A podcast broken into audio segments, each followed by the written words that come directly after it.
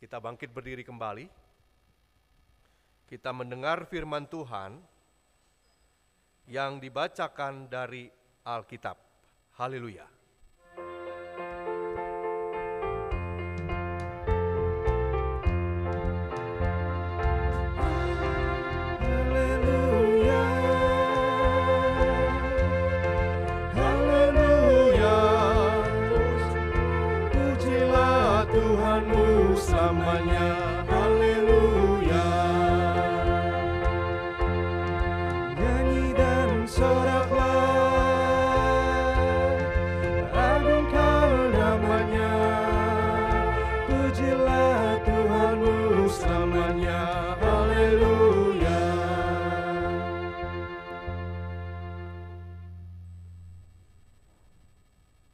Bacaan Alkitab hari ini sebagaimana tertulis dalam Efesus pasal 1 ayat 15 sampai 23 yang menyatakan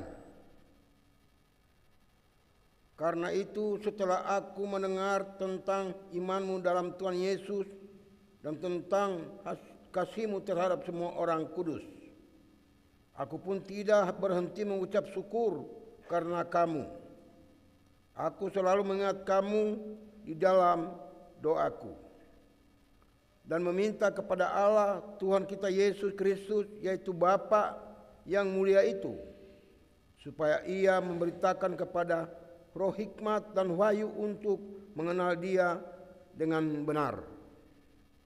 Dan supaya ia menjadikan mata hatimu terang agar kamu mengerti mengharapkan apakah yang terkandung di dalam panggilannya. Betapa kayanya kemuliaan warisannya kepada orang-orang kudus. Dan betapa hebat kuasanya bagi kita yang percaya sesuai dengan kekuatan kuasanya yang besar. Yang dikerjakannya di dalam Kristus dengan membangkitkan dia dari antara orang mati dan menudukkan dia di sebelah kanan di sorga. Jauh lebih tinggi dari segala pemerintah dan penguasa dan kekuasaan, kerajaan dan tiap-tiap nama yang dapat disebut bukankan hanya di dunia ini saja, melainkan juga di dunia yang akan datang. Segala sesuatu telah diletakkannya di bawah kaki Kristus dan dia telah diberikannya kepada gereja sebagai kepala dari segala yang ada, gereja yang adalah tubuhnya yaitu kepenuhan dia yang memenuhi semua dan segala sesuatu. Demikianlah firman Tuhan. Hendaklah firman Tuhan dengan segala kekayaannya diam di dalam hatimu dan ucaplah syukur kepada Allah.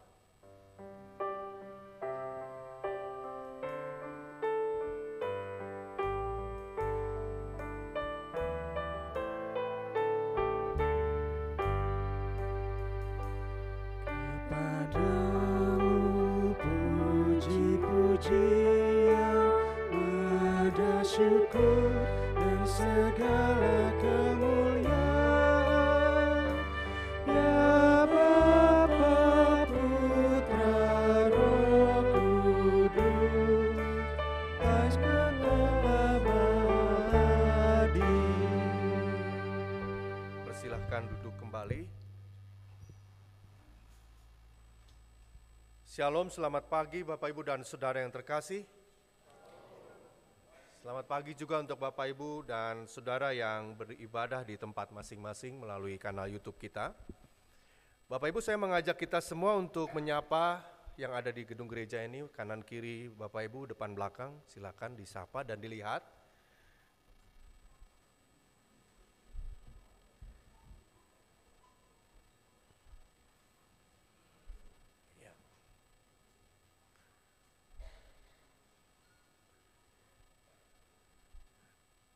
Sudah tahu ya Bapak Ibu siapa yang ada di depan, di belakang kita. Mungkin tadi ketika masuk ke gedung gereja ini samar-samar mungkin ada yang baru potong rambut sehingga tumben pangling begitu ya Bapak Ibu. Ada yang mungkin tempat duduknya pindah biasanya si itu ada di sini gitu ya ternyata beda lagi orangnya. Apakah Bapak Ibu sudah saling mengenal satu sama lain di gedung ini, di ruangan ini? Sudah kenal?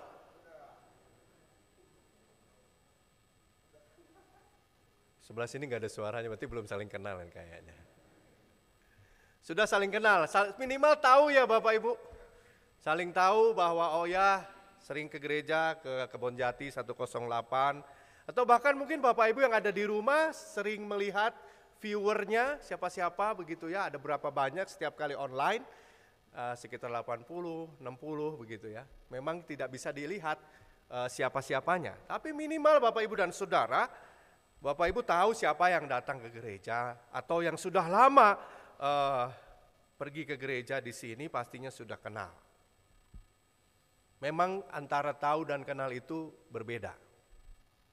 Kalau mengetahui itu biasanya kita tahu karena melihat. Sering melihat. Kita mendengar atau mendapatkan informasi atau karena mungkin kita memiliki kecerdasan eh, sekali melihat kemudian kita langsung tahu apa itu. Berbeda dengan mengenal Bapak Ibu dan Saudara, mengenal itu membutuhkan satu interaksi yang erat, satu interaksi yang akrab. Dan biasanya interaksi yang akrab itu karena pengalaman hidup bersama, jadi sering bersama-sama. Kalau orang Jawa bilang witing tresno jalaran soko kulino. Lama-lama jadi jatuh cinta, lama-lama jadi sayang karena sering bersama-sama. Jadi mengenal dan tahu itu berbeda Bapak Ibu dan Saudara, begitu juga dengan relasi kita dengan Kristus Tuhan. Kita hanya sekedar tahu atau kita benar-benar kenal. Sudah lama misalnya Bapak Ibu sudah lama menjadi Kristen, sudah dari sejak dibaptis, dari kecil ya, dibaptis jadi Kristen, eh, kemudian hidup di lingkungan keluarga Kristen, keluarga besarnya juga Kristen semua. Kemudian juga eh, rajin ke gereja ya, gerejanya hanya ke Kebon Jati 108 pokoknya, fanatik pisan sama GKP dari kecil eh, sampai sekarang mungkin sudah dewasa. Rajin ke gereja, rajin pelayanan, rajin memberikan eh, persembahan begitu ya. Apakah itu menjamin seseorang mengenal Kristus?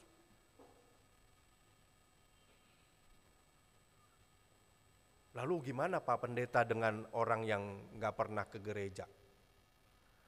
Bagaimana dengan orang yang Kristennya pas-pasan katanya? Pas pas Natal, pas tahun baru, pas Paskah, pas perjamuan kudus, pas mau baptiskan anak, pas mau nikah, sama pas mau meninggal. Ya. Pas semuanya. Jangan tersinggung ya Bapak Ibu, saya suka bercanda. Ya, tapi memang kenyataan seperti itu gitu. Bagaimana dengan yang pas-pasan? Apakah juga itu dia mengenal Kristus? Atau yang sama sekali tidak pernah aktif? Apakah dia mengenal Kristus? Bapak, Ibu, dan Saudara, kita bersyukur karena Allah yang kita kenal, yang kita sembah, itu adalah Allah yang peduli dan mengasihi kita, orang-orang yang berdosa ini. Jadi, siapa pun, bagaimanapun kita, itu dikasihi Tuhan. Amin. Siapa pun kita dikasihi Tuhan, Bapak Ibu Tuhan gak pilih-pilih ini yang ganteng saja, yang banyak uang saja, yang e, cantik saja. Semua kita apa pun keadaan kita, mau malas, mau rajin, semuanya dikasihi Tuhan. Tapi jangan jadikan pembenaran itu yang malas juga katanya dikasihi Tuhan. Yang jelas kita adalah orang berdosa seperti halnya di awal kebaktian ini kita mengaku dosa sebagai gereja yang kerap kali lupa berpihak kepada para korban kekerasan, khususnya perempuan dan anak. Kita sering kali lupa untuk berpihak, dan kita sekarang mengaku bahwa bisa jadi kita juga menjadi pelaku kekerasan itu. Allah yang kita sembah Bapak Ibu dan Saudara yang terkasih adalah Allah yang begitu besar kasihnya sehingga dia rela menjadi sama dengan kita sebagai manusia. Sehingga Allah yang tadinya tidak kelihatan menjadi kelihatan. Allah yang tadinya tidak bisa disentuh menjadi dapat disentuh. Allah yang tadinya jauh menjadi dekat dan kita bisa mengenal dan mengalaminya. Kita bisa tahu dan bukan sekedar tahu tapi kita bisa mempelajari apa yang dikatakannya. Ibaratnya kalau Allah itu adalah sosok yang terbuka, dibaca oleh semua orang, bisa didekati oleh siapa pun, dari mulai anak-anak sampai orang dewasa. Allah tidak membatasi dirinya. Kalau Allah sudah membuka diri, bagaimana dengan kita? Apakah kita sudah kenal lebih dalam dari sebelumnya? Kalau Allah mengenal kita secara pribadi, apakah kita juga mengenal Allah secara pribadi? Bukan sekadar menjadi orang yang disebutkan sebagai orang Kristen, bukan hanya sekadar disebutkan menjadi pengikut, tetapi Tuhan ingin kita mengenal Dia dan terus belajar untuk setia dan taat kepadanya. Dan itu semua hanya bisa dilakukan dalam interaksi yang erat dan akrab Bapak Ibu sekali lagi. Kalau kita membaca Efesus ini, Paulus mengatakan di sana bahwa jemaat Efesus diteguhkan oleh Roh Kudus, Roh Tuhan. Dan di dalam ucapannya itu Paulus mengatakan bahwa peneguhan yang dilakukan oleh Roh Kudus itu merupakan jaminan bagi mereka sampai mereka mendapatkan kemuliaan yaitu hidup yang kekal. Apa yang disampaikan oleh Rasul Paulus ini Bapak Ibu dan Saudara yang terkasih Bukan sekadar kata-kata atau nasihat, tetapi bersumber dari pengalaman pribadinya ketika dia juga mengalami perjumpaan dengan Kristus yang mengubahkan dia yang tadinya orang yang menganiaya pengikut Kristus sekarang berbalik menjadi orang yang paling depan memperjuangkan dan mempertahankan iman kepada Kristus. Ada perubahan Bapak Ibu dan Saudara dalam hidup Rasul Paulus dan karena perubahan itulah dia mau menyampaikan kata-kata ini kepada jemaatnya di Efesus. Yang kedua, dia berdoa. Bagian yang kita baca tadi. Kita lihat doanya ya, Bapak Ibu dan Saudara. Apa yang diminta oleh Rasul Paulus. Judul dalam Alkitab kita oleh LAI disebut di sana doa untuk pengertian tentang kemuliaan Kristus.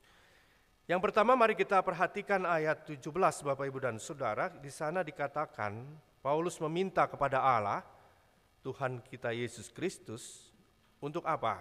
Untuk Tuhan memberikan kepadamu katakan di sana roh hikmat. Jadi yang pertama diminta adalah roh hikmat. Kenapa roh hikmat? Karena roh hikmat memampukan kita untuk bisa mengerti kehendak Tuhan. Kalau di zaman sekarang roh hikmat itu contoh sederhananya Bapak Ibu. Kalau Bapak Ibu dan Saudara menyerap banyak informasi dari HP, dari TV, dari laptop, dari radio, dari mana pun. Roh hikmat itu akan bisa membedakan kita mana informasi yang buruk dan mana informasi yang bermanfaat. Mana yang kira-kira itu benar dan mana yang hoax. Apalagi sekarang lagi musim uh, hoax ya, konflik di Timur Tengah banyak sekali berita-berita yang bertebaran. Kalau saya Bapak Ibu secara pribadi terus terang saya kalau buka uh, media sosial saya lebih suka cari yang receh-receh. Ya, jadi yang receh-receh yang bikin ketawa-ketawa sendiri. Jadi kalau Bapak Ibu bertemu saya di jalan, saya lagi ketawa-ketawa sendiri itu berarti lagi ngelihat receh. Karena dari situ saya mendapatkan ide banyak sekali ya. Kalau yang serius-serius seperti konflik gitu ya di Timur Tengah, kemudian uh, rasanya hidup ini sudah berat tambah berat lagi ya Bapak Ibu ya. Janganlah. Lebih baik kita cari yang menghibur, tetapi itu juga kontennya harus dipisah antara konten yang melecehkan dengan konten yang mendidik kita. Jadi roh hikmat itu adalah roh yang bisa membuat kita mengerti apa kehendak Tuhan.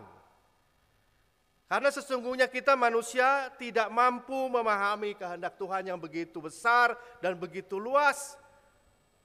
Dan sebagai anak-anaknya kita membutuhkan roh hikmat itu Bapak Ibu dan Saudara apalagi dalam situasi sekarang. Yang kedua, yang dimintakan oleh Paulus adalah wahyu. Wahyu itu bahasa sederhananya penyataan. Jadi yang tadinya nggak kelihatan menjadi kelihatan. Yang tadinya tertutupi menjadi terbuka. Jadi penyataan. Kenapa perlu wahyu? Supaya apa? Supaya ketika kita mau mengenal Kristus, kita sungguh-sungguh mengenal Dia dengan baik. Dibukakan oleh Tuhan. Ya, dibukakan, dinyatakan oleh Tuhan sendiri, bukan oleh kita, tetapi oleh Dia yang empunya hidup ini. Dan yang ketiga, Rasul Paulus meminta supaya mata hati kita diterangi oleh Roh Allah. Hati kita mendapatkan pencahayaan ilahi, sehingga kita bisa mengerti makna panggilan kita sebagai umat Tuhan di segala zaman. Kenapa saya katakan di segala zaman? Karena zaman Efesus dengan zaman kita sekarang berbeda. Dan untuk itulah kita membutuhkan tiga itu Bapak Ibu dan Saudara. Kita butuh roh hikmat, kita butuh pewahyuan atau penyataan dan kita butuh hati kita diterangi oleh roh itu supaya kita mengerti apa yang menjadi tugas tanggung jawab kita sebagai umat Tuhan di masa sekarang. Dan itulah yang dikehendaki Rasul Paulus kepada jemaat Efesus. Dan bagi kita sekarang Bapak Ibu dan Saudara yang terkasih, kalau kita sudah mengenal Kristus dan terus ingin mengenal Kristus, maka harus terjadi yang disebut dengan pengalaman dan perubahan dalam hidup kita. Apakah ini berhenti hanya sampai baptis? Hanya sampai CD? Eh, mengenal itu? Berubah itu? Apakah berhenti hanya sampai ketika saya menikah? Apakah hanya berhenti ketika saya menjadi penatua, pendeta, komisi, pengurus sektor pos? Ternyata tidak. Pengalaman perubahan itu harus terus terjadi dalam hidup kita, di sepanjang hidup kita. Karena siapa lagi yang akan melakukan tugas misi Tuhan dalam hidup ini kalau bukan kita sebagai umatnya yang hidup di masa sekarang ini. Bapak, Ibu, dan Saudara yang terkasih, Hari ini juga selain kita memperingati kampanye 16 hari anti kekerasan terhadap perempuan, kita juga hari ini merayakan hari Minggu Kristus Raja ya Bapak Ibu. Jadi Kristus Raja, Bapak Ibu perhatikan perubahan warna liturgi kita yang kemarin warnanya hijau sekarang sudah menjadi putih dan minggu depan kita akan masuk dalam minggu Advent. Advent ya Bapak Ibu bukan minggu Natal nih, Advent, masih Advent. Jangan dulu Natal, ya, sabar. Lu boleh nggak Pak bikin perayaan Natal di Advent? Ya, perayaan menyambut Natal boleh-boleh saja karena kita bisa merayakan, namanya juga sebuah perayaan, menyambut kedatangan Kristus. Tapi Advent membawa kita pada satu bentuk spiritualitas di mana ketika kita menghayatinya, kita mau menyadari bahwa sebagai gereja ketika kita merayakannya, kita bisa bertanya sudah sejauh mana sih kita ini sebagai gereja melakukan misi Tuhan di bumi ini. Kita punya tagline satu tahun itu berdampak, bersyukur, bergerak gitu ya. Sudah sejauh mana itu bisa kita lihat Bapak Ibu dan Saudara. Sudah sejauh mana sih kita sebagai garam memberikan rasa kepada kehidupan yang ada di sekitar kita. Jangan-jangan terlalu asin ya, asin teing. Wah, juga nggak baik. Nggak asin juga nggak enak. Secukupnya. Nah ini biasanya kalau saya menemukan di sini, kalau eh, jajan di luar sama makan di dalam di rumah gitu ya, berbeda ya. Kalau di luar itu penuh dengan rasa ya. Wah, eh, apa namanya versinya sangat kuat gitu ya. Tapi kalau yang masak di rumah misalnya orang tua itu masaknya itu garamnya sedikit, tapi ada rasanya. Nah, kalau kita sebagai garam, kita akan tahu sejauh mana kita sudah memberikan rasa. Kadarnya beda-beda Bapak Ibu dan Saudara, setiap orang. Karena tadi kalau orang muda mungkin masih bisa dengan rasa yang kuat, tetapi kalau orang tua harus pas, sesuai dengan kebutuhan kita. Nah gereja kita sudah sampai mana? Apakah kita sudah memberikan rasa itu dengan tepat Bapak Ibu dan Saudara? Apakah gereja kita itu sudah menerangi kehidupan melalui kegiatan-kegiatannya? Jangan-jangan yang terang cuma di dalam sini saja, di luar tetap gelap? Atau bisa juga, jangan-jangan kita sudah mulai remang-remang, ya, sudah mulai nggak jelas ke mana arahnya. Advent membawa kita pada penghayatan itu. Dan itu sebabnya kita tidak harus terburu-buru melakukan perayaan-perayaan Natal. Bersabarlah dulu, introspeksi diri dulu, sehingga ketika kita menyambut Dia, kita sungguh-sungguh memiliki hati yang baru, dengan pertobatan, dengan perubahan yang baik dalam hidup kita. Mari kita merayakan Kristus Raja ini dengan ucapan syukur. Sekaligus kita menyadari kekurangan kita. Dia yang memenuhi semua dan segala sesuatu akan memampukan kita. Amin. Saat teduh untuk kita.